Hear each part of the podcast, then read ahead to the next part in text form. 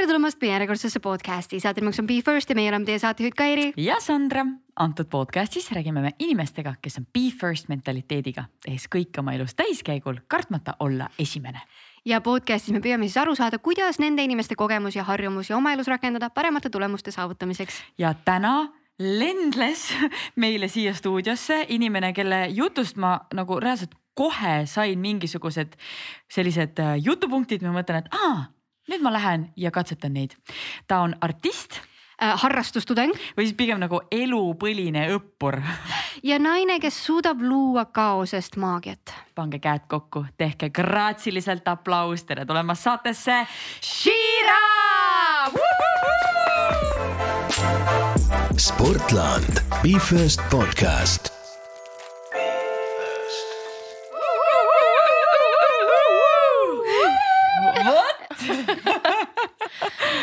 no nii, no nii, no nii. no peab oskama endale ise cheer ida onju. no muidugi, kui ma ei tee seda, kes siis teeb? issand nagu kuulaks ennast. no meie teeme ilusasti kogu aeg, aga juhuks, kui meid ümberringi ei ole. kuulge, nii äge, et te kutsusite mind, mul on ülihea meel siin olla. aitäh, et sa tulid kuidas sul läheb praegu?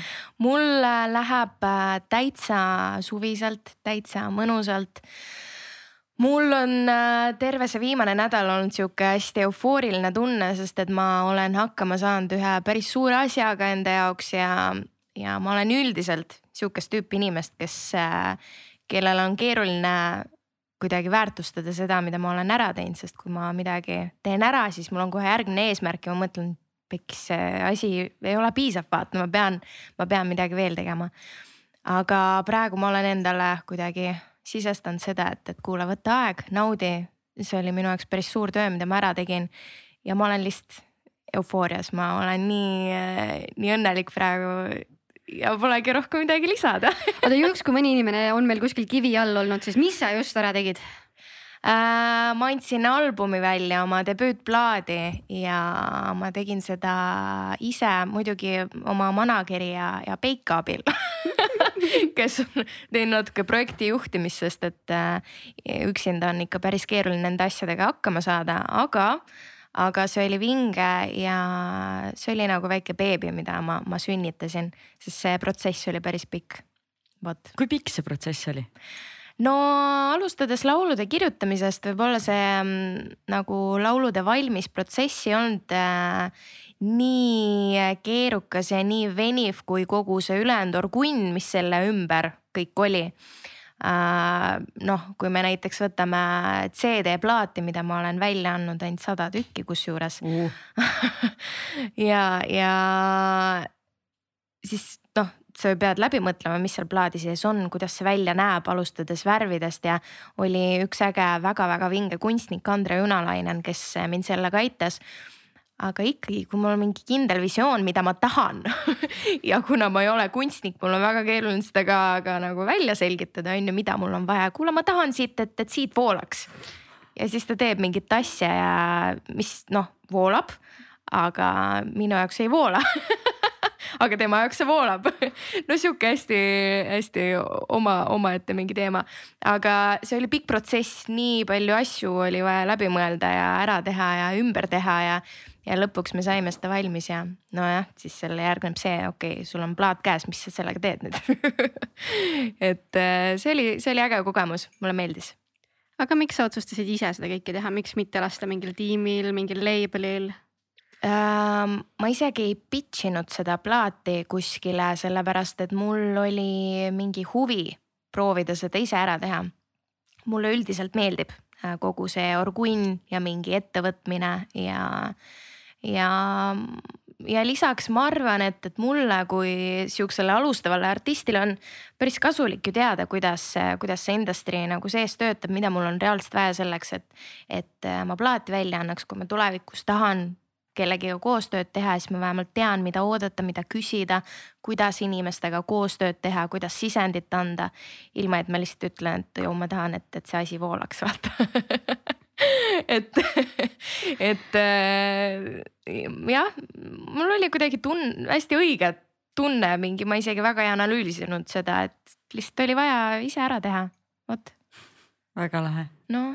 mulle nii meeldivad ettevõtlikud inimesed, lihtsalt oh my god aga me oleme muidugi juba alustanud siin ilusasti vestlust äh, muusikatemaatikal, ilma et me oleksime teinud meie esimeste mängu ja me ei saa ju sellest mööda ei, mm. -hmm. kas sa tead, mis sind ees ootab? ma aiman natuke, kas ma peaks närvis olema ka või ei pea? alati pinges, sest see on võistlus ikkagi Be first. väga hea, let's go. mäng on siis lihtne, meie alustame lauset, sina lõpetad, räägime sinu esimestest. Ma võtan kohe esimese. no go for it. esimene esinemine. Esimene esinemine oli mul muusikakoolis. ma olin siis võib-olla seitsmeaastane, kui ma hakkasin õppima klaverit muusikakoolis ja siis äh, muusikakoolis on see, et sa, sul on eksamid ja eriala ehk siis klaverimängu eksam näeb välja nii, et sa pool aastat harjutad mingi viis-neli lugu a la mingi Bach, Mozart, no võib-olla seitsmeaastasena see on midagi lihtsamat. ja siis äh, sul istub äh, suures saalis komisjon, hästi siuksed kurjad tädid ja, ja onud, kes vaatavad sind ja siis sa tuled roosas kleidis, pisike tüdruk ja lähed sinna klaveri taha ja siis esitad äh, neile neid laule, mida sa oled nii pikalt harjutanud äh,. vot see oli mu esimene esinemine kas sa muretsesid ka, kartsid ka või sinu jaoks oli see kõik sihuke, ah, las ma lähen säran. ei, ma olin nii närvis, ma, ma ei saanud aru, mis mu kätega toimub, sest et äh, ja ma, ma mäletan, mul oli veel sihuke mõte, et, et issand, inimesed, kes oskavad laulda, neil on nii palju kergem, sest et siis ma ei tegelenud üldse laulmisega, ma mängisin klaverit. Sest et äh, mu käed närvidest värisesid nii hullult, et ma isegi, kui ma vaatasin neile otsa, ma ei suutnud käsi paigal hoida. Ja ma mõtlesin, et mu näpud ei tööta, ma ei saa praegu ära mängida, et palju kergem oleks laulda ju. Aga siis väriseks hääl. täpselt. Ja kui ma hakkasin laulma, ma sain aru, mine pekki, ma läheks mängiks praegu pika. ma olen alati üli, üli noh, mõtlen selle peale, et, et mu bändil on hästi-hästi mugav positsioon, vaata, võtad oma pilli kätte, mängid oma akordid, värgid asjad ära, kõik on hästi, kui hääl väriseb, keegi ei pane tähele. sellepärast nad teevadki neid, on need, need projektid, kus vaata, sa mängid ja siis laulad ise kaasa, et siis kui, siis kui käed hakkavad värisema, siis teed väikse pausi, siis laulad ja siis puhkad häält ja siis tõmbad kätega. Strateegia see võib toimida, aga ei pruugi, ma ei tea. no mulle tundub, et äh, sa oled üsna kindel selles, mida, mida sa praegu teed ja et äh, see, see tee, kus sa hetkel oled, on, on nagu, on sinukas. aga Mhm. tuleta meelde esimest korda, kui sa endas äh, kahtlesid. ma arvan, et see oli võib-olla lapsepõlves mm,. Ma ei tea, kas see peab olema nagu muusikaga seotud, aga, aga eks see kõik võib-olla tuleb lapsepõlvest, ma mäletan, kui mul sündis väike, väike vend.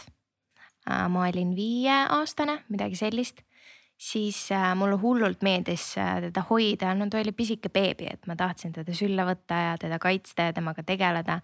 ja ma ilmselt tahtsin seda liiga palju et emps vahepeal tuli ja nagu piiras, et ütles, et vot kuule, et ma nagu siin võtan ise ja aga, aga ma siiski sain temaga väga-väga palju nagu koos olla. Ja ma mäletan, et ma hullult muretsesin, et kas ma olen nagu piisavalt temaga koos, et kas ta hakkab mind armastama, et kas ma pööran talle piisavalt tähelepanu. et kui ma mäletan, ma olin isegi, ma pole kusjuures vanematega sellest kunagi rääkinud, aga praegu kuidagi tuli sihuke asi meelde, et ma olin isegi veits armukade oma ema suhtes, sest et ma kartsin, et mu väike vend hakkab mu ema rohkem armastama kui mind. Mingi sihuke emalik instinkt väiksel tüdrukul tekkis kohe, mis on võib-olla loomulik, aga võib-olla mitte, ma ei tea, aga, aga see oli sihuke esimene, esimene kahtlus iseendas ja kas ma olen piisav, kuidas praegusel ajal on selle enesekahtlusega? väga halvasti et puudub jah? ei no ega ma ei ole mingi ideaalne inimene ja, ja vahepeal mul on kõik hästi enesekindlusega, aga vahepeal on päris halvasti ja ma mm, kipun äh, vahepeal üle mõtlema ja arvama, et, et see asi ei ole piisavalt hea praegu, et ma pean seda veel paremini tegema. et ma pean äh, veel paremini oskama ja, ja ikka juhtub vahepeal, aga aga ma arvan, et, et on oluline seda õigel hetkel ära tabada, et kuule, et, et äh, ma nüüd mõtlen üle praegu. mul ei ole seda vaja praegu, et äh, liigume edasi, kõik on hästi, et usalda. Aga kuidas sa oled õppinud seda märkama, sest et see ei ole väga lihtne. ei ole, see on päris, päris keeruline ja kui sa ei oska seda märgata, siis sa lihtsalt ei märka seda ja sa ei saa aru, et, et, et sa teed isegi midagi valesti, et see on sihuke hästi alateadlik teema. no ma arvan, et äh, see tuli siis, kui ma hakkasin natuke rohkem enda vaimse tervisega tegelema ja, ja ühes noh hol, Holistika Instituudis hakkasin õppima ja, ja seal, sealt see maailm natuke avanes mulle see, mis, mis mul siin toimub ja et ma võiksin sellele rohkem tähelepanu pöörata, sest see toimib.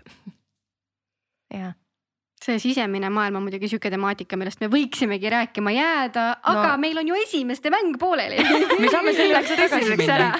no lähme tagasi, aga ma võtan siinkohal järgmise esimeste mängu küsimuse ja see on esimene armumine. esimene armumine äh,. ma arvan, et see oli lasteaias mul üks poiss, ma isegi ei mäleta, mis ta nimi oli, aga, aga ta oli äh, sihuke blondiin ja hästi kena poiss ja kõik tahtsid temaga mängida.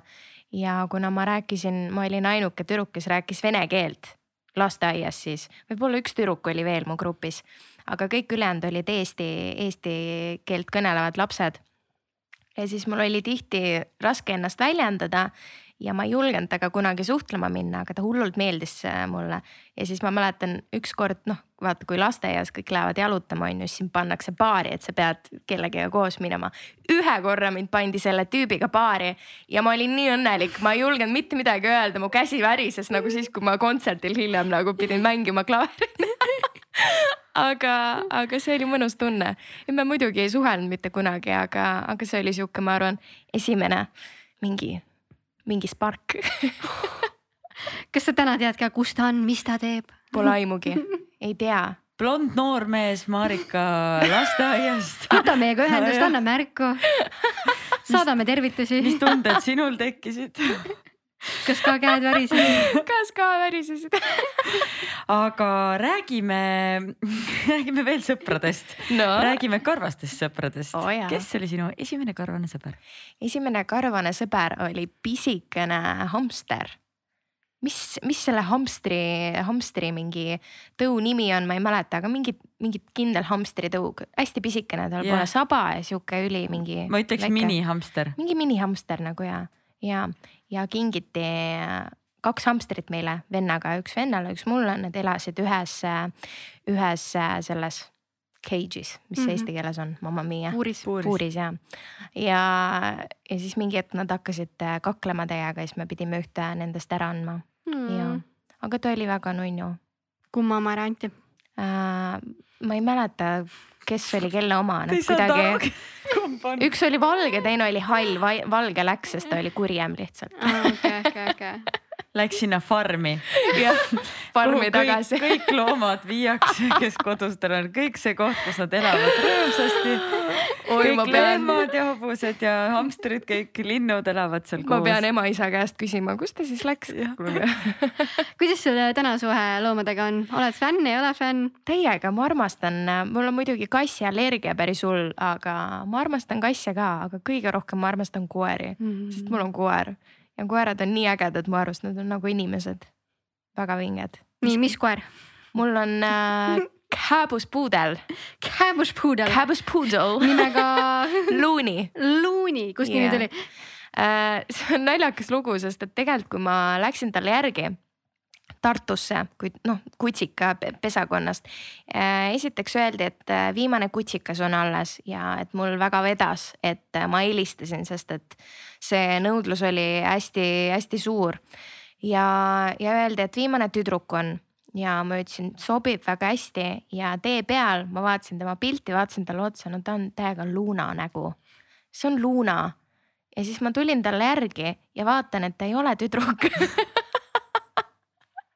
ja ma ütlesin, et okei okay,, noh, siis on Looney niimoodi tuligi, jah.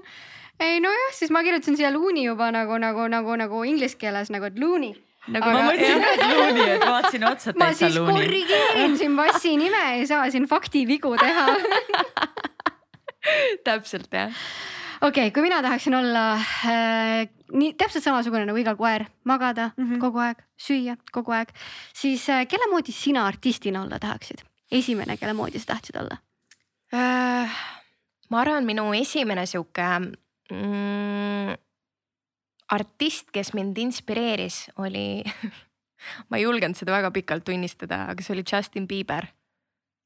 Mulle tundub, et see on mingi trend, mitte keegi oli mingi aeg, kus mitte keegi ei julgenud tunnistada, et talle meeldib Justin sihuke Bieber. guilty pleasure veits on ju, väga veider, aga ta mulle täiega meeldis, mulle meeldis see tema lugu, mulle noore tüdrukuna see oli nii inspireeriv, et, et noor poiss, kena poiss, ilusa lauluhäälega, teda nopiti kusagilt tänavalt äh, laulvana äh, välja ja pandi kuskile suurele lavale, et davai nüüd esine, et, et mis, mis nüüd saab.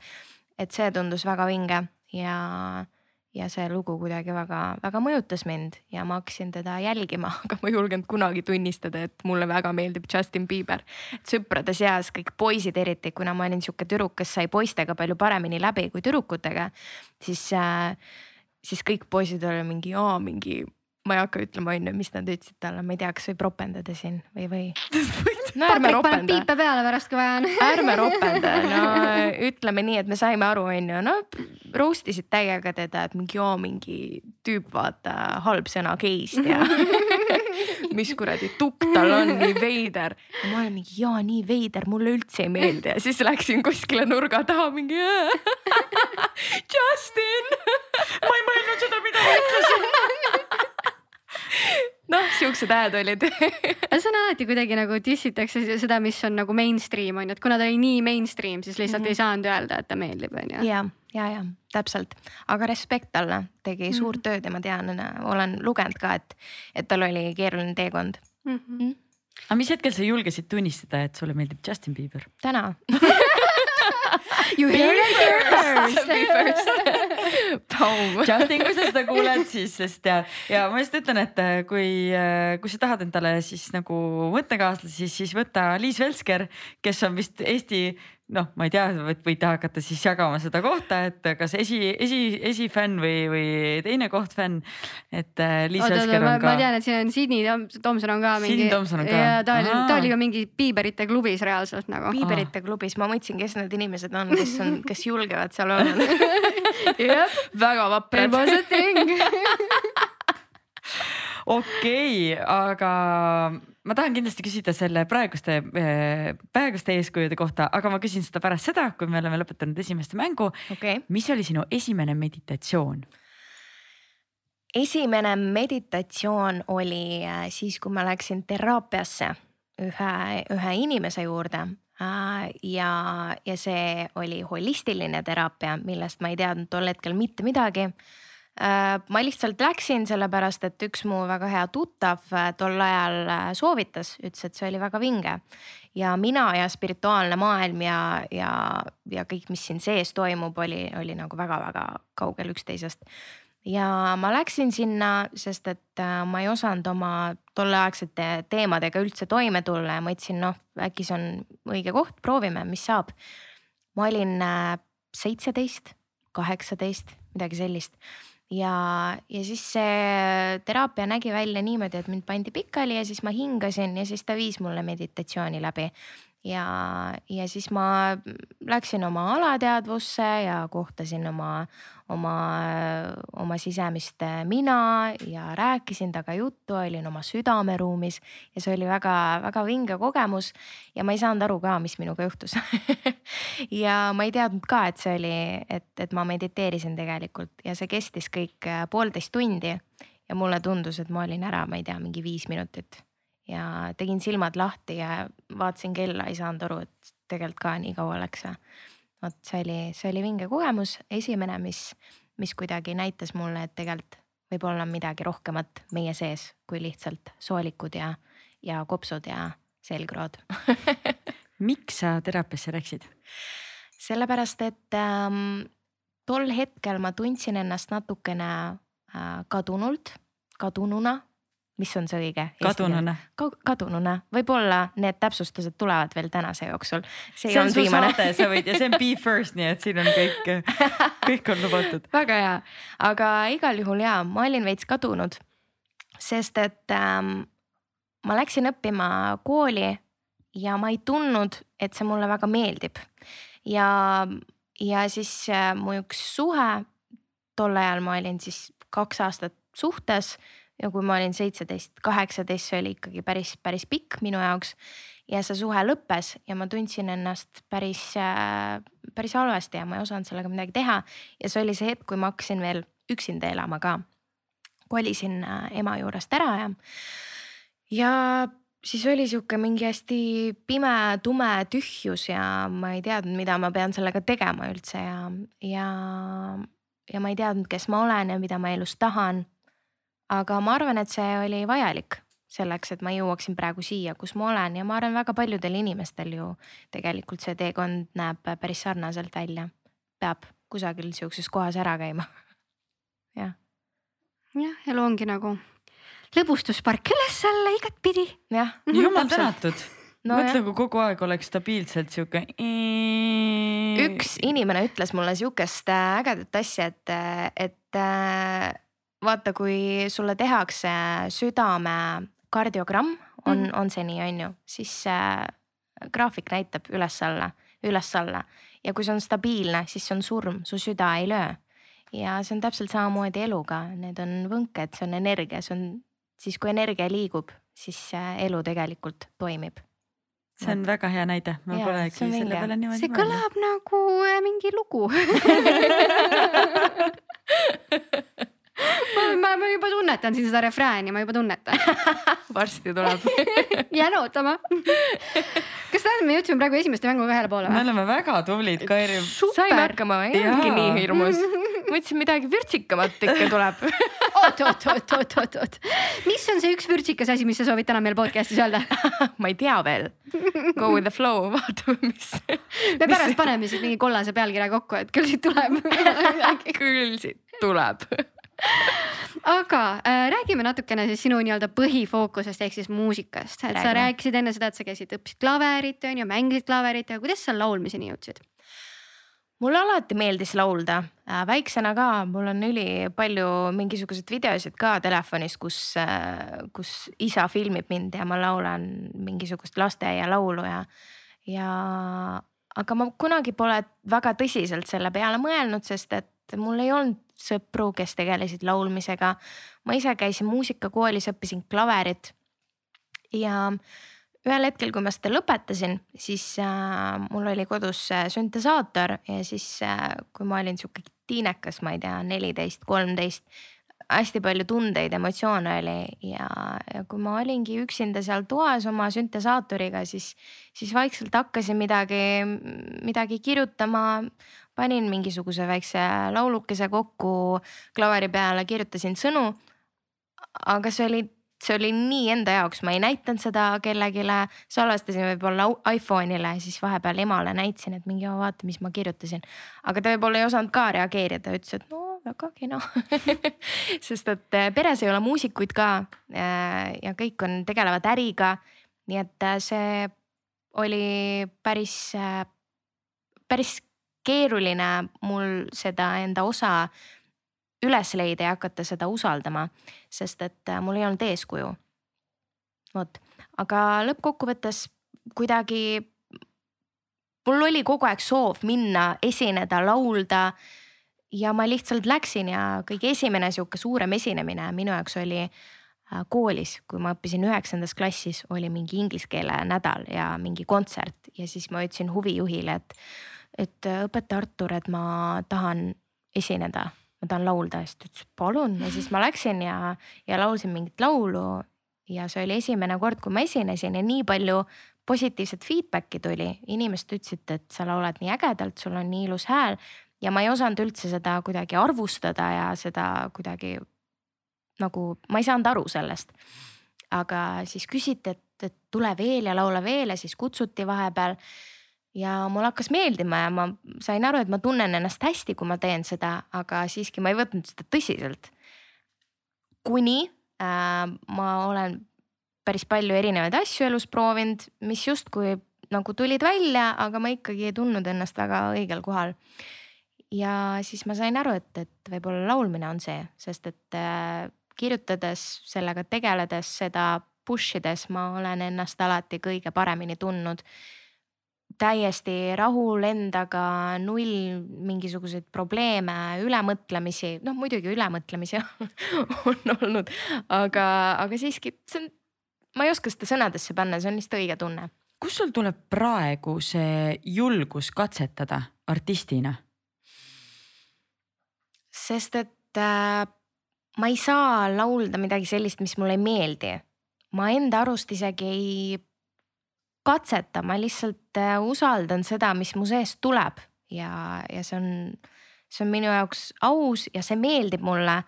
ja ma usun, et kui see meeldib mulle, siis see meeldib ka inimestele, võib-olla mitte miljonitele praegu veel võib-olla mitte kunagi, ma ei tea, on ju, aga minu jaoks on kõige olulisem see, et, et ma, mulle endale meeldiks see, mida ma teen.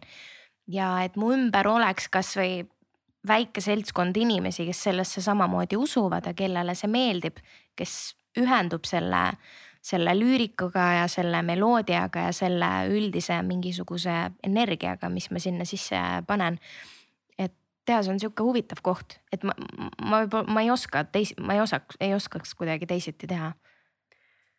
minu jaoks on nagu hämmastav see, et ma just paar päeva tagasi lasin autos nagu sinu lugu sõbrale ja siis oligi nagu, kuulan seda häält ja ma ei saa aru, kust see tuleb, kas, kas ja kui palju sa seda treeninud või õppinud mm. või oled, et. väga palju ei ole muide, mis äh, tihti äh, ka segab mind, sellepärast et ainuke viis, kuidas ma olen laulmist õppinud, on kuidagi tunde järgi. Justiniga. Justiniga põhimõtteliselt jaa, tema laulud olid esimesed, mis ma baby, baby, baby.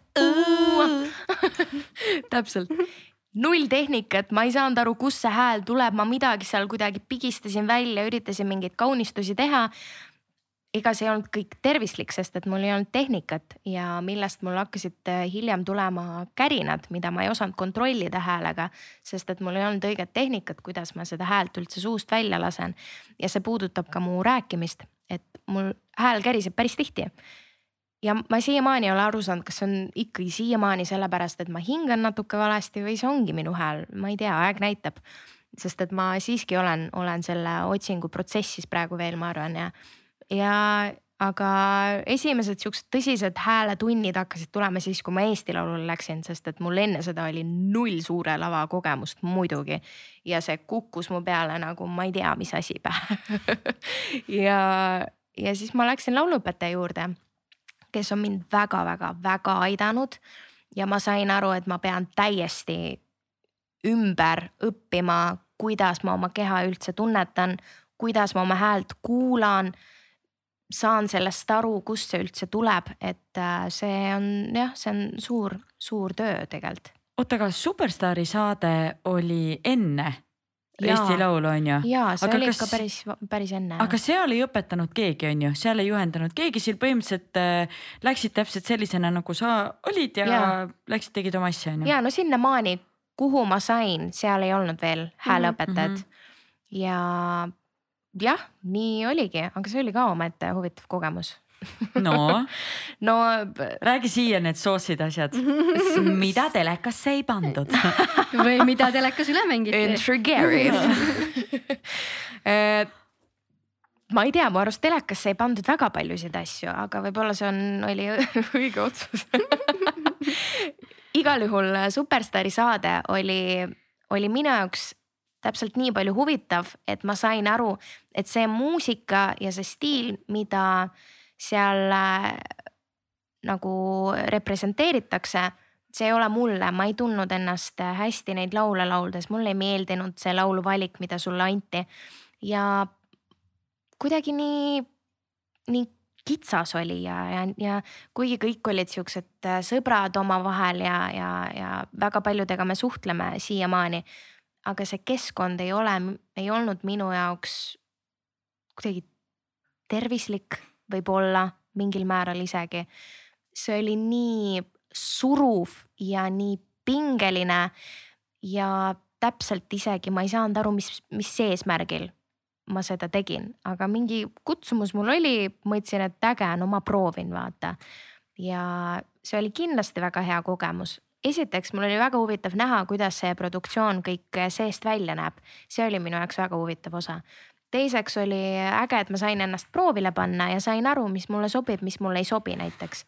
ja jah, see oli päris hea push mulle tegelikult kusjuures minu arust ongi see erinevus, et kas sa oled laulja või sa oled artist on ju, et lauljal ei ole väga vahet nagu mida ta esitab, aga artistil hakkab ikka kriipima natukene hingega või peab nagu. võib-olla ja see on huvitav mõte tegelikult, ma olen seda kuulnud, aga ma ei ole sellesse süvenenud. ja kui ma praegu seda niimoodi lahti mõtestan, siis tõesti ja. aga kas see laul, millega sa nüüd Eesti Laulule läksid, oli nagu sinu vibes? ja see esimene Out in Space, millega ma läksin, see oli, see oli väga, väga mina, see oli väga siiras, väga ähm,. jah, see, see, see oli väga õige, ma arvan mm. -hmm, aga kuidas see sulle nüüd sülle kukkus siis? see kukkus sülle täpselt nii, et ähm, see kukkuski ma mõtlengi, et sa ise ütlesid, et see kukkus sülle, ma, ma, ma oletan, et sa pidid ikkagi loo salvestama, ma oletan, et sa pidid selle sisse saatma. no jah, ja mul oli null usku, et see sellest üldse tuleb midagi välja, sest et ma, ma ise ei push inud seda, ma ei võtnud seda piisavalt tõsiselt võib-olla, et ma lihtsalt ei uskunud seda ja tuli välja nii, et ma tutvusin äh, Karl Anderiga meie ühise tuttava sünnipäeval ja jäime suhtlema, läksime peole, lihtsalt rääkisime juttu ja, ja ta ei teadnud, et ma laulan, ma ei võtnud seda, see ei olnud minu prioriteet elus, seega ma rääkisin üldse sellest, et ma, mul on mingi startup ja ma õpin EBS-is ja siuksed lood. ja siis äh, kell oli mingi neli hommikul ja ja siis ma ütlesin, et äh, kuule, tegelikult ma veits laulan ka. Kui tema ütles ka, et ta, ta tegeleb muusikaga. Ja siis pulli pärast mõtlesime, et äkki proovime midagi teha, ma lasin talle enda mingi kolme aasta taguseid neid äh, iPhone'i salvestusi, mis ma seal kolmeteistaastasena põhimõtteliselt tegin. Jah, noh, võib-olla natuke hiljem, aga ikkagi äh, ja siis ta ütles, et äge, aga proovime midagi koos teha. Ja siis me tegime ja, ja mul oli poolenisti kirjutatud see Out in Space ja läksime ta juurde. salvestasime ära ja ta ütles, et kuule, proovime Eesti Laulule seda saata. ma ütlesin, mida mis Eesti Laulule? ta ütles ja et äh, seitsekümmend protsenti tõenäosus, et, et see saab edasi ma ütlesin, okei okay,, no proovime mm -hmm. muidugi mul, sest mulle nii meeldis see laul, mu arust see oli nii ilus ja, ja ta tegi suurepärast tööd sellega. ja ja siis äh, me saatsime ja siis üks päev saan emaili, et jõu, sa said Eesti Laulule. ja siis mul oli täielik šokk, sest et äh, see oli noh, low-key oli minu unistus alati tegeleda muusikaga, olla artist, aga ma ei julgenud seda endale tunnistada, ma ei julgenud seda endale lubada. sest et mul oli programm peas, et, et laulmine on hobi see ei ole, see ei ole tõsiseltvõetav, sa ei ole laulja, see jääb alati su jaoks unistuseks. mine tegele mingi äriga, vaata ja lõppkokkuvõttes see, see juhtus nii, et ma isegi meelega ei, ei, ei tõmbanud seda. ja, ja see oli väga-väga suur asi mu jaoks tol hetkel, mis mõjutas väga tugevalt mu eneseusku ja usaldust sellesse, mida ma tegelikult armastan ja ehk siis tegelikult südames sees sa teadsid, et, et laulmine ja esinemine, olla artist on midagi, mis, mida sa tegelikult tahaksid teha? jaa, täiega, aga noh, mainin veel kord, ma ei, ma ei julgenud seda, sellega kaasa minna kunagi, see tundus nii kättesaamatu mu jaoks ja. kust see julgus tuli siis lõpuks? No ma arvan, sealt tuligi, et. Äh, et lihtsalt, et see õnnestumine oli see, mis tõmbas välja või tegid sa veel midagi? ja esiteks see õnnestumine, teiseks see, et ma olin natuke valdkonnas sees juba, ma sain aru, et see on täiesti reaalne nagu igal pool mujal, kõik, kõikides valdkondades, mida ma läbi proovinud olen. ja ma lihtsalt pean midagi ette võtma ja tegema ja siis tuleb välja ja miks ma ei saa seda teha selle asjaga, mida ma tegelikult naudin, mida ma nagu päriselt, päriselt naudin. miks ei, ma ei saa aru. Ja siis ma lihtsalt äh, hakkasin, hakkasin tegema. Ja, ja pikalt oli, oli, oli väga mul, mul oli tõesti väga-väga keeruline ennast usaldada ja lasta ennal, endal nagu ainult sellega tegeleda, nii palju hirme oli sellega seotud, nii palju äh, hirmu just ebaõnnestumise eest ja ja selle ees, et kas ma olen piisavalt hea, et nüüd enda perele tõestada, et mul on õigus selle asjaga tegeleda, sest et ma olen piisavalt hea ja ja see pressure oli ka päris suur, sest pere jaoks oli suur üllatus ka, et mis asja, sa oled nüüd Eesti Laulul, mis juhtus sa ju õpid EBS-is aga kas see nagu EBS-i pool ja see startup indus ja ärimaailm, kas selles osas sul ei olnud hirmu, kas seal sa ei kartnud, et sa pead ennast kuidagi tõestama, kas see tundus siis nagu? ei kartnud, mul oli hasart. Midagi ära teha.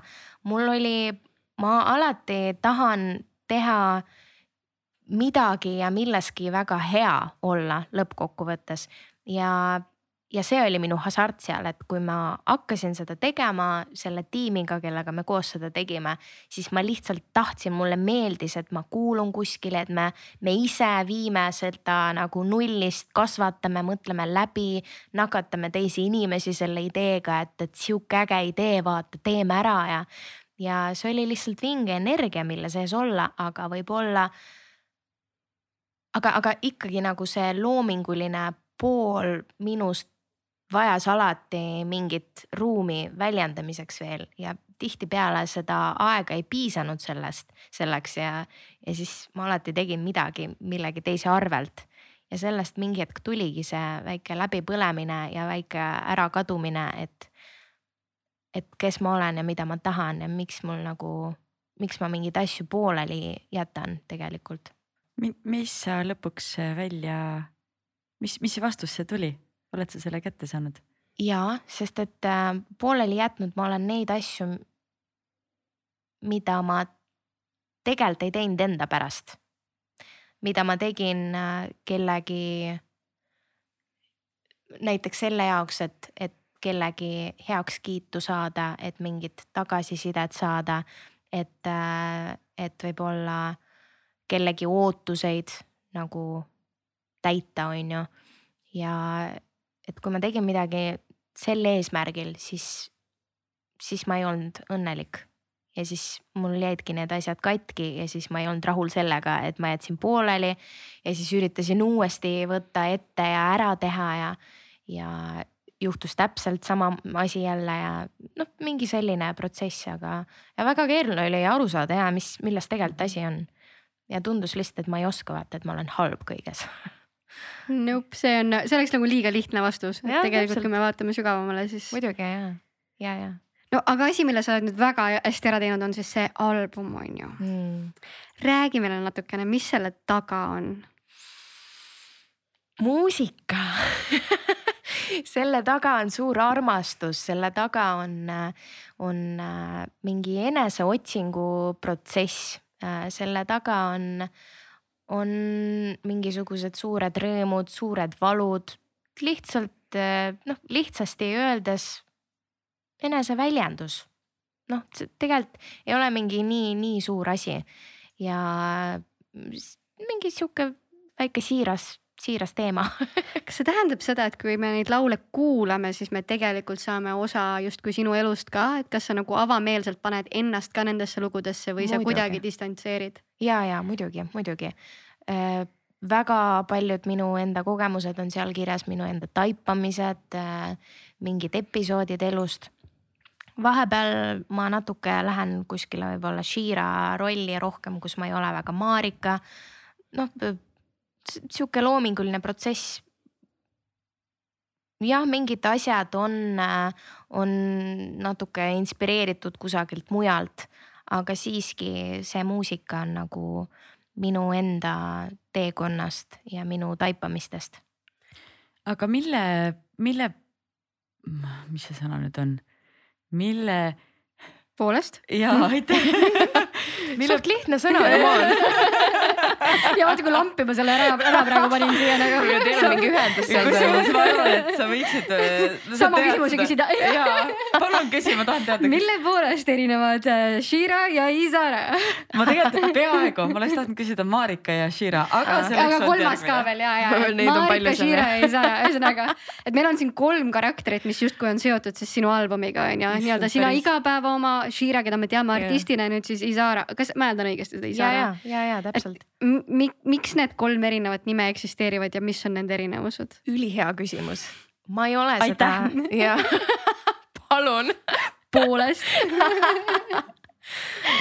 ma ei ole seda nii analüüsinud mul oli lihtsalt tunne, et mul on vaja, mul on vaja eraldada, sest näiteks laval olles, muusikat kirjutades ma ikkagi ei ole see Marika, kes ma päriselus alati olen. ja see on mingi, mingi nagu, kas see on nagu praegu. mis on nagu vunki juurde saanud või? ja justkui okay. nagu mingi Marika, kes oskab paremini kanaldada oma, oma naiselikkust, oma Mm. seksuaalsust, oma, oma mehelikkust vahel, oma lihtsalt olla mingi ägedam inimene nagu, nagu Digimon transformeerub. ja täpselt, transformeerub just, et äh, ja ma võin seda ka päriselus rakendada, ma vahepeal teen seda. Aga laval olles ma, mul pole valikut, ma pean seda tegema ja mulle meeldib see, et ma, ma, ma lasen endal minna sinna rolli kogu aeg. ja, ja nagu olla tihedamini see osa minust. kui make sense. väga make sense, vaata need kaks nagu make ivad sense'i, aga kust see nagu kolmas veel sisse tuli? jaa, ma mõtlesin ka päris veider, vaata mul äh,, mul mingi hetk oled äge. mingi hetk hakkas tulema, hakkasid tulema pakkumised eh, elektroonika muusikamaailmast. produtsendid kirjutasid, vaata, mul on sihuke äge põhi, et kas sa saad siia top line'i kirjutada, laulda sisse, sul on äge hääl, et see sobiks. ja mulle tegelikult nii meeldib, mulle nii meeldib sihuke tumedam muusika, mingi sihuke salapärane, mingi, mingi veits kuri vahepeal ja, ja vahepeal sihuke lihtsalt reivimuss mulle meeldib, mulle meeldib sinna peale kirjutada seda, laulda seda, esitada aga see on, see ei ole, noh, see, see ei lähe kokku näiteks selle albumi mussiga, mida ma just Mm. andsin välja. ja ma hakkasin, siin ma natuke analüüsisin. vaata, kui sa näiteks kuulad äh, mingit laulu mu albumit, albumilt a la Bloomingut ja kuulad kusagilt raadiost ja siis mõtled, et ülimõnus pühapäeva hommikukohvi muss, siis tuleb pühapäeva hommik, sa teed kohvi oma õega, peikaga, kellega iganes. Paned äh, Shira Spotify'd mängima, paned Bloomingut, Blooming mängis ära ja siis tuleb mingi räige mingi saksa klubi tümakas. no see ei lähe kokku see on päris halb, et äh, ja siis ma tundsin, et mul on nagu neid kontseptsioone vaja eraldada ja, ja siiski esitades Isaara mussi ja, ja kirjutades seda ma olen täitsa teistsugune, ma kasutan oma häält teistmoodi ja ma liigun teistmoodi ja see on minu jaoks on mingi teine karakter lihtsalt ja siis ma tundsin, et, et vist on. Ja meil oli dilemma, sest et me, meil on päris mitu lugu salvestatud, mis lähevad nüüd Isaara alla ja meil oli dilemma, et kuidas me need välja anname, sest nad nii erinevad Shira nagu sihukesest nagu juba kuvandist. väljas mm. olevast nagu muusikast ja kuvandist ja ja, ja siis see nagu teise arti-, teine artisti projekt tundus, tundus hea mõte, vot. see on väga huvitav, ma, ma ausalt öelda esimest korda nagu puutun kokku sellise teemaga, et on üks Mm. inimene, kes on äh, oota, Beyonce on ka seda teinud ja see on massive, see on nagu massive compliment ju. et ja see on väga huvitav ja et sa seda niimoodi Mm. olen teinud, ma hakkasin lihtsalt mõtlema, et, et ma, kas ma peaks ka endale lava nime välja mõtlema Raju ei sobi sulle või? no jah, jah, võib-olla ma siis peaks oma nagu igapäevase nime nagu rahuks ümber panema õhtu juhtimistele lihtsalt Raju ma ja olen muidu Rahu. olen Rahu jah. Davai. ei no see on hea mõte tegelikult ka vaata. Väga huvitav. et äh, sa ju saad ise valida, milline sa olla tahad. ja ma arvan, et see on äge, mulle, mulle sobib, mulle meeldib. kas sul vahepeal identiteedikriisi ei teki, et kes ma siis ise olen, kes see Marika nüüd lõpuks on, kui ma olen nagu Shirana kogu aeg laval ja Isaran annab veel mussi välja, et kes siis nagu mina olen? Ei tead, viimasel ajal üldse ei teki, eriti peale seda, kui, kui ma olen leidnud seda enda asja, mis, mida mulle meeldib teha, mis tuleb välja ja, ja mida ma naudin tõeliselt, siis kuidagi ei tule ja päriselus ja ma võin käituda nagu mingi lollakas viieaastane laps. ja siis järgmine hetk ma panen mingi kontsartkleidid ja olen veits Shira ja siis ma panen mingid kiired prillid ja siis ma olen Isara ja üli, ülimõnus jah, mulle tundub, et sulle meeldib mängida neid rolle ikka. nojah, aga see justkui kõik tuleb minust ju mm, -hmm. no Mhm. ma ei pea neid igapäevaelus mingi. tšau, kallis, ma täna olen Kutsu mind Isaaraks, vaata. või täna Hommikul palun õhtul Isaaraga., ja, aga täna õhtul äh, palun kutsu mind Shiraks, aga las su ema kutsub mind Marikaks. ei, seda ei ole. seda ei ole, ma, ma olen, see on kõik siin, aga lihtsalt äh, projekti mõistes tundus õigemini seda eraldada, vot. kui Jah. süsteemne üldse peab olema artistina, kui sa mõtledki nagu sihukese muusika väljaandmise asja peale? no ikka peab olema, aga see peab kõik mingisugusest kaosest tulema mm., et äh, ma arvan, et minu jaoks vähemalt on süsteemist raske midagi luua, aga kaosest teha, üritada mingi süsteem teha, tundub natuke kergem. ja vähemalt see on see, kuidas ma olen neid asju teinud, jah. et alguses on mingi, mingi pilv lihtsalt mingi. vaata, ma tahan seda, seda, seda, seda ja siis sa hakkad noppima välja, mis on üldse reaalne, mis ei ole reaalne ja kuidas sa neid asju tegelikult saad deliver dada ja päris ellu, päris elus nagu viia ellu. vot kas sul on mingi strateegia või mingi praktika, et kuidas sa seda teed, on sul mingi lähenemine, millest sa alustad näiteks? natukene startup'i tegemise kogemus mind aitas ja E EB, EBS-i õpingud natukene aitasid ka. see on see, mis puudutab, see on nagu sa paned projekti püsti, mida sul selle jaoks vaja on, on ju, sul on vaja, et sul oleks äh, toode, millesse sa usud. sul on vaja teha sellele turundust ja, ja sul on vaja seda nagu distribution'it teha, on ju. Ja see, see ongi, ongi nii jah, nagu natuke äriliselt peab ju sellele lähenema. Ja kusagilt peab tagasi tulema mingi asi, et sa saaksid seda ikkagi nagu edasi arendada. sest et äh, muidu, muidu see jääbki siukseks hobiks, kas me räägime siin rahast jah? natuke muidugi. natuke muidugi, kui lihtne või raske sinu jaoks on artistina raha küsida, sest mulle tundub, et meil on Eestis väga äärmuslikud nagu artistid. mõned oskavad kohe sulle selle hinna letti lüüa niimoodi, et ei ole piinlik ka ja siis on mõned, kes küsivad, noh on nii kopikaid, et nagu ise tahaks rohkem juurde maksta nagu. ja, ja ma arvan, et äh, kopikaid ei tohi küsida. kui ma olen ise seda väga palju teinud ja siiamaani vahepeal teen ja see enda tööd peab, peab väärtustama, sa pead iseendasse uskuma ja, ja ma arvan ka seda, et, et kui sa väärtustad iseennast ja lased äh, nagu tarbijal ennast väärtustada, siis sa saad areneda. ja aga mul on ausalt siiamaani üliraske raha küsida selle eest.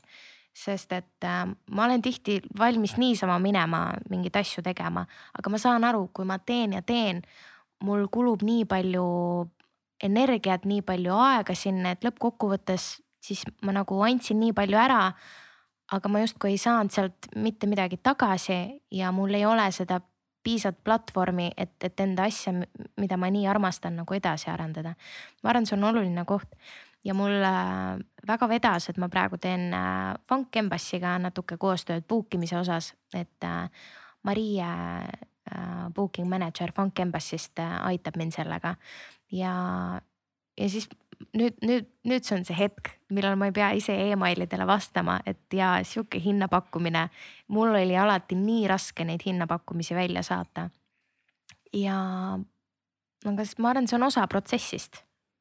Kusjuures äh, Sandra Vabarna rääkis mulle sama, et mm. Mm. tema lihtsalt äh, kõiki selliseid booking'u ja asju Trad Attack'il teeb äh, võimsasti Jalmar, sest tema ei taha, tema ei oska, tema ei taha ja Jalmar on see, kes käib ja käib ja küsib, siis ta no, vahepeal naersid ka, et, et kui ta hakkas nagu oma asju tegema, et siis ta nagu lasi põrgatas Jalmariga läbi, et kuule, kas see oleks okei okay.. aga see on nii normaalne Väga, ja see on nii tervislik Jaa. et sa ei pea nagu ise kõike välja nuputama, et kui sul on ümber inimesed, kes teavad paremini, kes oskavad soovitada nagu halleluuja. ja Jaa. inimtüübid on nii erinevad ka onju, et kui sa oled loomehing, sa ei tahagi tegeleda sellega Mhm. mm -hmm. rahamajandusega onju Jah. et selle jaoks on keegi, kellele meeldib see rahamajandus, kes Jaa. tahabki küsida, kes tahabki tingida, kes Mhm. tahabki Jaa. arutleda onju. täpselt. kuule, aga kui me siin loomest räägime, siis äh, see, mida sa EBS-is õppisid, oligi loomemajandus. -hmm. see on väga huvitav, mida seal õpetatakse? ma ei tea ma palun, ma väga loodan, et mitte keegi, mitte ükski õppejõud EBS-ist seda podcast'i ei kuula. aga ma ütlen ausalt, ma ei tea, sest et äh, kõik, mul on siiamaani EBS lõpetamata aga ma tahan suruda lõpuni, sest et ma juba ei ole endaga rahul, kui ma ei lõpeta seda. see kestab juba viies, kuues aasta vist ja vahepeal oli akadeemiline puhkus ja kõik.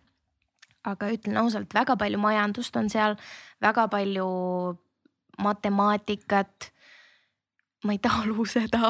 Mulle ei meeldi. makrod, mikrod, värgid, särgid. ei, ma, ma ei suuda, ma, ma, ma saan aru, et asi on lihtsalt võta ette, süvene aga mul tuleb mingi plokk sisse, mingi loominguline ingel istub mulle pähe ja ütleb, Marika, sa ei ole selline. Ja see on raske, aga ma pean sellest läbi saama ja väga paljud viimased äh, tööd, mida ma olen, kodutööd, mida ma olen teinud, esitanud, ma olen väga palju, kas äh, noh ema on aitanud või ma olen isegi äh, eraõpetaja juures käinud, et ma saaksin eksamist läbi ülikoolis äh, kursakaaslased õnneks aitavad vahepeal, ma olen neile väga tänulik selle eest. aga, aga jaa, loome asja oli seal üllatavalt vähe minu jaoks. ja kui keegi kuulab seda sealt, siis ma arvan, see on hea tagasiside. loomeettevõtlusest oli paar loengut moetööstusest ja paar loengut muusikatööstusest, mis oli minu jaoks väga oluline, väga vajalik ja aitas mind väga ka minu muusikakarjääris, oli see, et ma pidin läbima praktikat ja ma läksin praktikale Music Estoniasse ja seda praktikat tutvustas just sama õppejõud, kes andis neid muusikatööstuse paar loengut seal esimese aasta alguses. ja, ja see mind väga inspireeris ja andis, noh aitas mul aru saada, et mul, mind tegelikult väga huvitav muusika, huvitab muusikatööstus, kõik, mis seal sees toimub ja. ja see oli ja see, see oli äge, selle eest ma olen EBS-ile tänulik. No üks asi on see, et sa tahad selle kooli mingi hetk ära teha, aga mida sa artistina veel ära teha tahad? ma tahan äh, rohkem muusikat kirjutada, ma tahan äh, katsetada erinevates äh, žanrites, vaadata, kuhu mu hääl areneb, kuhu mu laulu kirjutamisoskus areneb ma ei tea, seal on nii, nii palju ruumi tegelikult, ma ei, ma ei oska isegi midagi konkreetset soovida, aga see põhiline asi, mida ma tahan, on mingi areng et see asi liiguks edasi, see on see, mida ma tahan ja. nii tuleb praktikas on ju mhm. et aga mida sa teed täpsemalt selleks, et, et, et oma häält arendada ja et, et muusika kirjutamist arendada? Äh, ma lihtsalt äh, kirjutan aga kas sul on mingisugused distsipliinid, kas sa tead, iga päev ma pean kirjutama või iga nädal või et sul on mingid plaanid ja sa teed nende järgi, et mm. Äh, mis? ei ole äh,. Mulle üldiselt üldse ei meeldi siuksed äh, graafikud ja distsipliinid. me just rääkisime, et süsteemist ei saa luua, meil on kaoses vaja luua. aga mõnele, mõnele see sobib, mina olen lihtsalt sihuke hästi kaootiline mul on kodu ülitihti sassis, palun vabandust, mu kallis Rauno, kes minuga elab, ta see on kohutav ta jaoks, aga ma ei, ma ei suuda. mulle meeldib ka kaoses, aga mulle meeldib organiseeritud kaos no,. mulle meeldib kaos kaos äh, ja, ja mu vanemad üritasid väga palju vaeva sellega näha ja käisid kogu aeg, korista see tuba ära, korista see köök ära, pane see tass tagasi nõudekasse, ära jätta seda sinna aga mul ei tule meelde lihtsalt, ma ei mõtle selle peale, ma joon seda teed ära ja siis mul tuleb mingi teine mõte, siis ma, see kutsub mind, see teine mõte kutsub ja see tass jääb sinna. no see nii on lihtsalt lihtsalt nii on mul, see on, nii on mul palju lihtsam oma peikast aru saada, aitäh sulle selle eest. sest ma lihtsalt on ju niimoodi, et see taldrik käib siia, see nagu sa paned see, see masin on pooleldi lahti ja. ja sa paned selle siia peale nagu pane see siia masinasse. see tegelikult on lihtne, see on oh kaks sekundit no, no. see on kaks sekundit yeah., ma täna katsun seda tassi siit ära panna, ma luban. aga kui mul läheb meelest ära, ärge pange pahaks. We got you, no worries ma olen juba harjunud seda tegema, nii et. jaa. I might as well. kuulge, noored, ma ei taha üldse nagu olla see party pooper siin onju. -hmm. aga meil on kümme minutit wow. tempo, väike äh, sprint. teeme siia väikse lõpusprindi, võtame kumbki meist näiteks kaks küsimust, siis anname fännidele sõna ja siis teeme väga kiire soovituste nurga. ja äh, mina tahaks küsida vaimse tervise kohta, et äh, kuidas sina igapäevaselt oma, oma, oma pead hoiad ja hinge ja südant? Äh, ma arvan, ma teen seda nii, et äh, ma katsun tähele panna, kuidas ma ennast tunnen hetkes.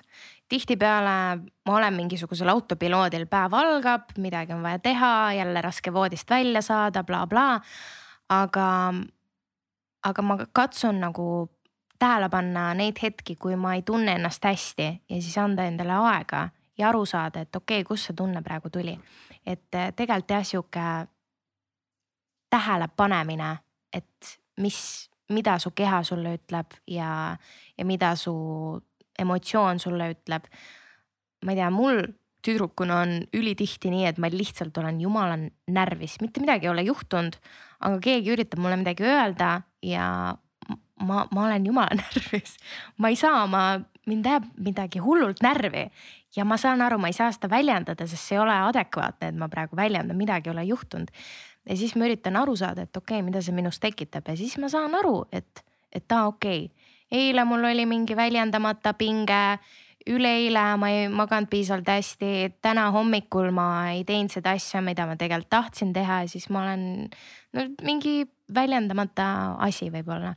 aga üldiselt jaa, lihtsalt tähele panna ja mitte süüdistada kõiki inimesi, kes ümberringi on, aga alustada ennast, vaadata, et okei okay,, mida see minus praegu põhjustas, mis seda minus põhjustas ja noh, mingi sihuke teema, väga palju asju on tegelikult, aga see on üks asi, mis praegu pähe tuli. ma arvan, et see on sihuke võtmeasi ka lihtsalt mm, -hmm, mida on hästi, noh tegelikult on nagu suhteliselt lihtne teha. sa pead mm -hmm. lihtsalt aega võtma ja ausalt endaga nagu rääkima. ja sihuke praktika ja, ja ongi. no iseenda nii-öelda tähelepanemine on väga oluline, aga oluline on ka aru saada, mis meil ühiskonnas ümberringi toimub mm. -hmm. ja no praegu olgem ausad, on kaos ma saan aru, et inspireeriv kaos et kui sa nüüd peaksid meie ühiskonnas toimuva kohta kirjutama mingisuguse loo mm., mingisuguse sõnumi sinna panema, siis mis see sõnum täna sinu jaoks oleks? mis selle loo pealkiri oleks?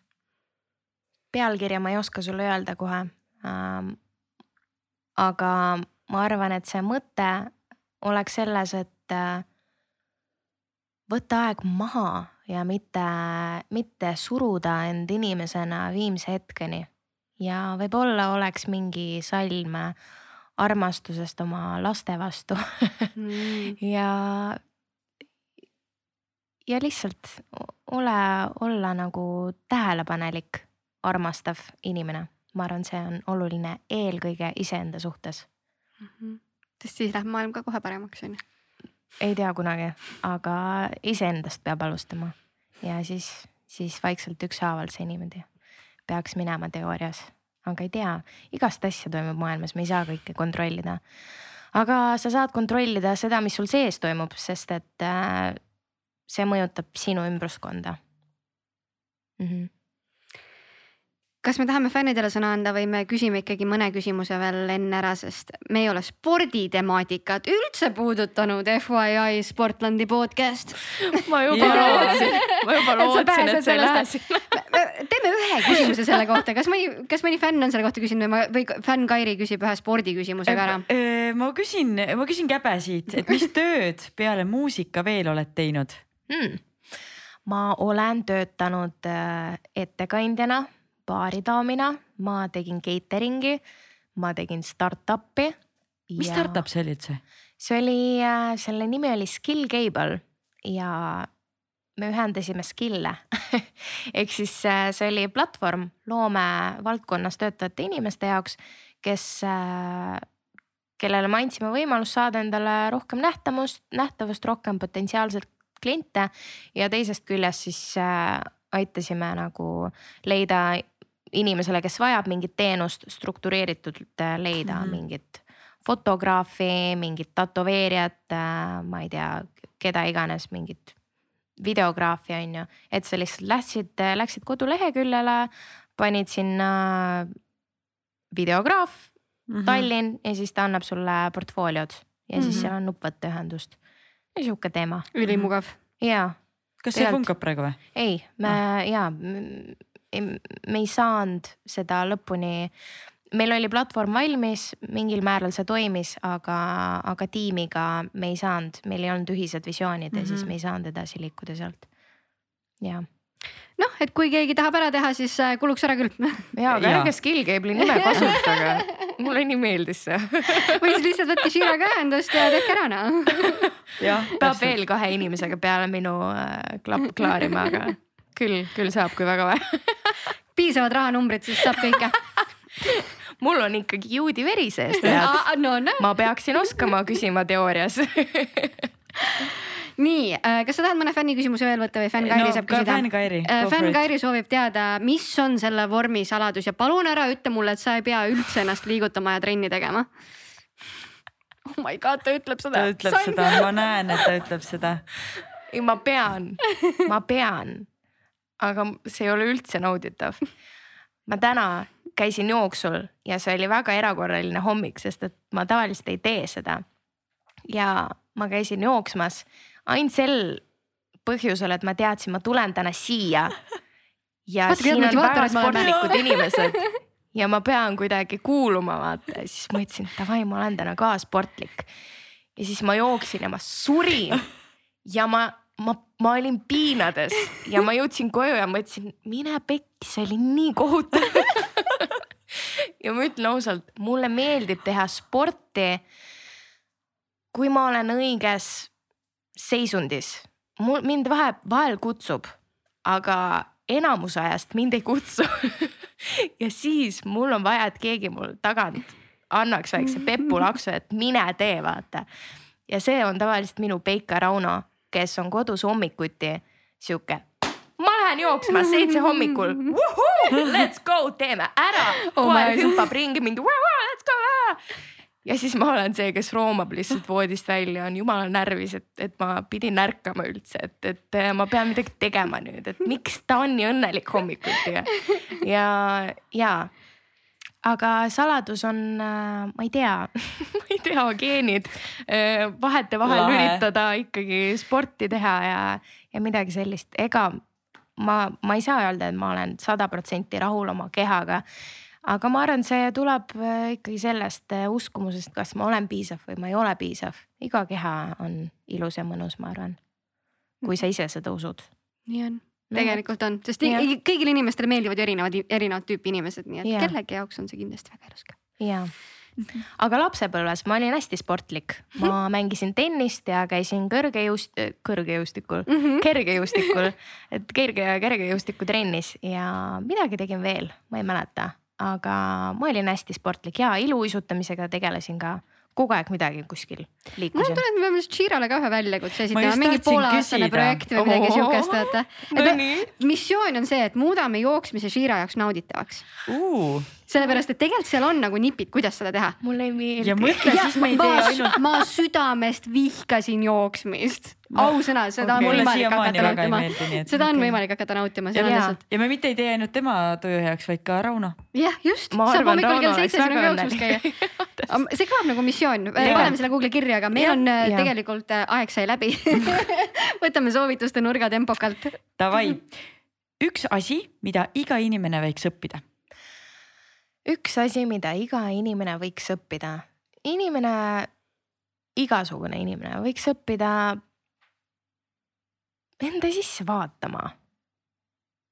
viimasel ajal minu arust Eesti ühiskond ja, ja noored on väga palju selles suunas äh, liikunud. aga ikkagi meie, me, meie vanemad võib-olla tihtipeale ei oska seda teha ja sest see väga mõjutab meid.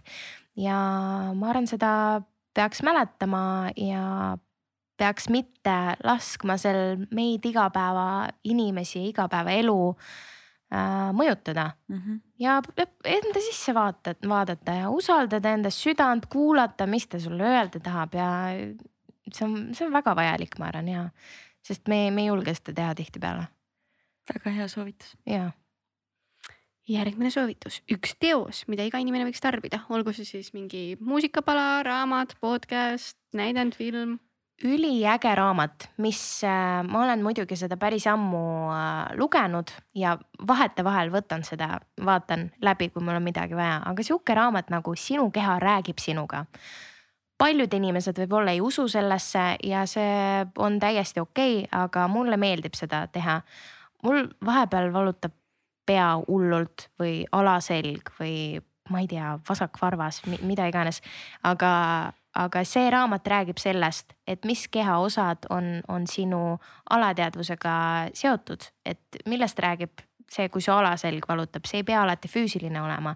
et meil igapäevaelus on ülipalju pingeid, mida meie keha peab kandma ja kui midagi valutab, siis tegelikult keha annab ju märku, et, et kuule, pane mind tähele, vaata, et mul on mingi, mingi asi te,, tee midagi mm. -hmm. ja see on väga äge raamat, mis just sellest räägibki. Nii põnev, ma ei olnudki kuulnud sellest. ja, ja, soovitan. Läks DBR-i e, ja üks koht, mida võiks külastada. minge Pirita St Patricksisse või Foorumi St Patricksisse, sest see on minu pere restoran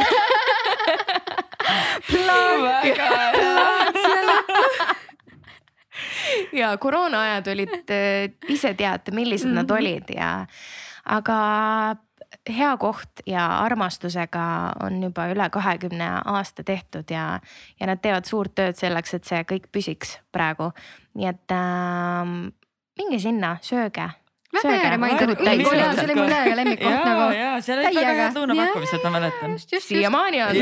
siiamaani on, tuleb minna, kõllas kohe tühjaks. täpselt, hooajalõunaga onju kuulge, noored, mul on nii kahju, et me siin äh, pikemalt jutustada ei saa, aga sa pead vist järgmise albumi välja andma, siis me saame uuesti jutustama hakata. Pole probleemi või siis teeme selle väljakutse ära ja siis äh, teeme nagu catch-up'i oh podcast'i formaadis, et kuidas siis, kuidas siis läks yeah.. Unku aitäh sulle, et sa meile külla tulid. aitäh, et kutsusite, ma täiega ootan äh, mingit väljakutset, mis, kuidas ma saan enda jooksmisrutiini paremaks teha.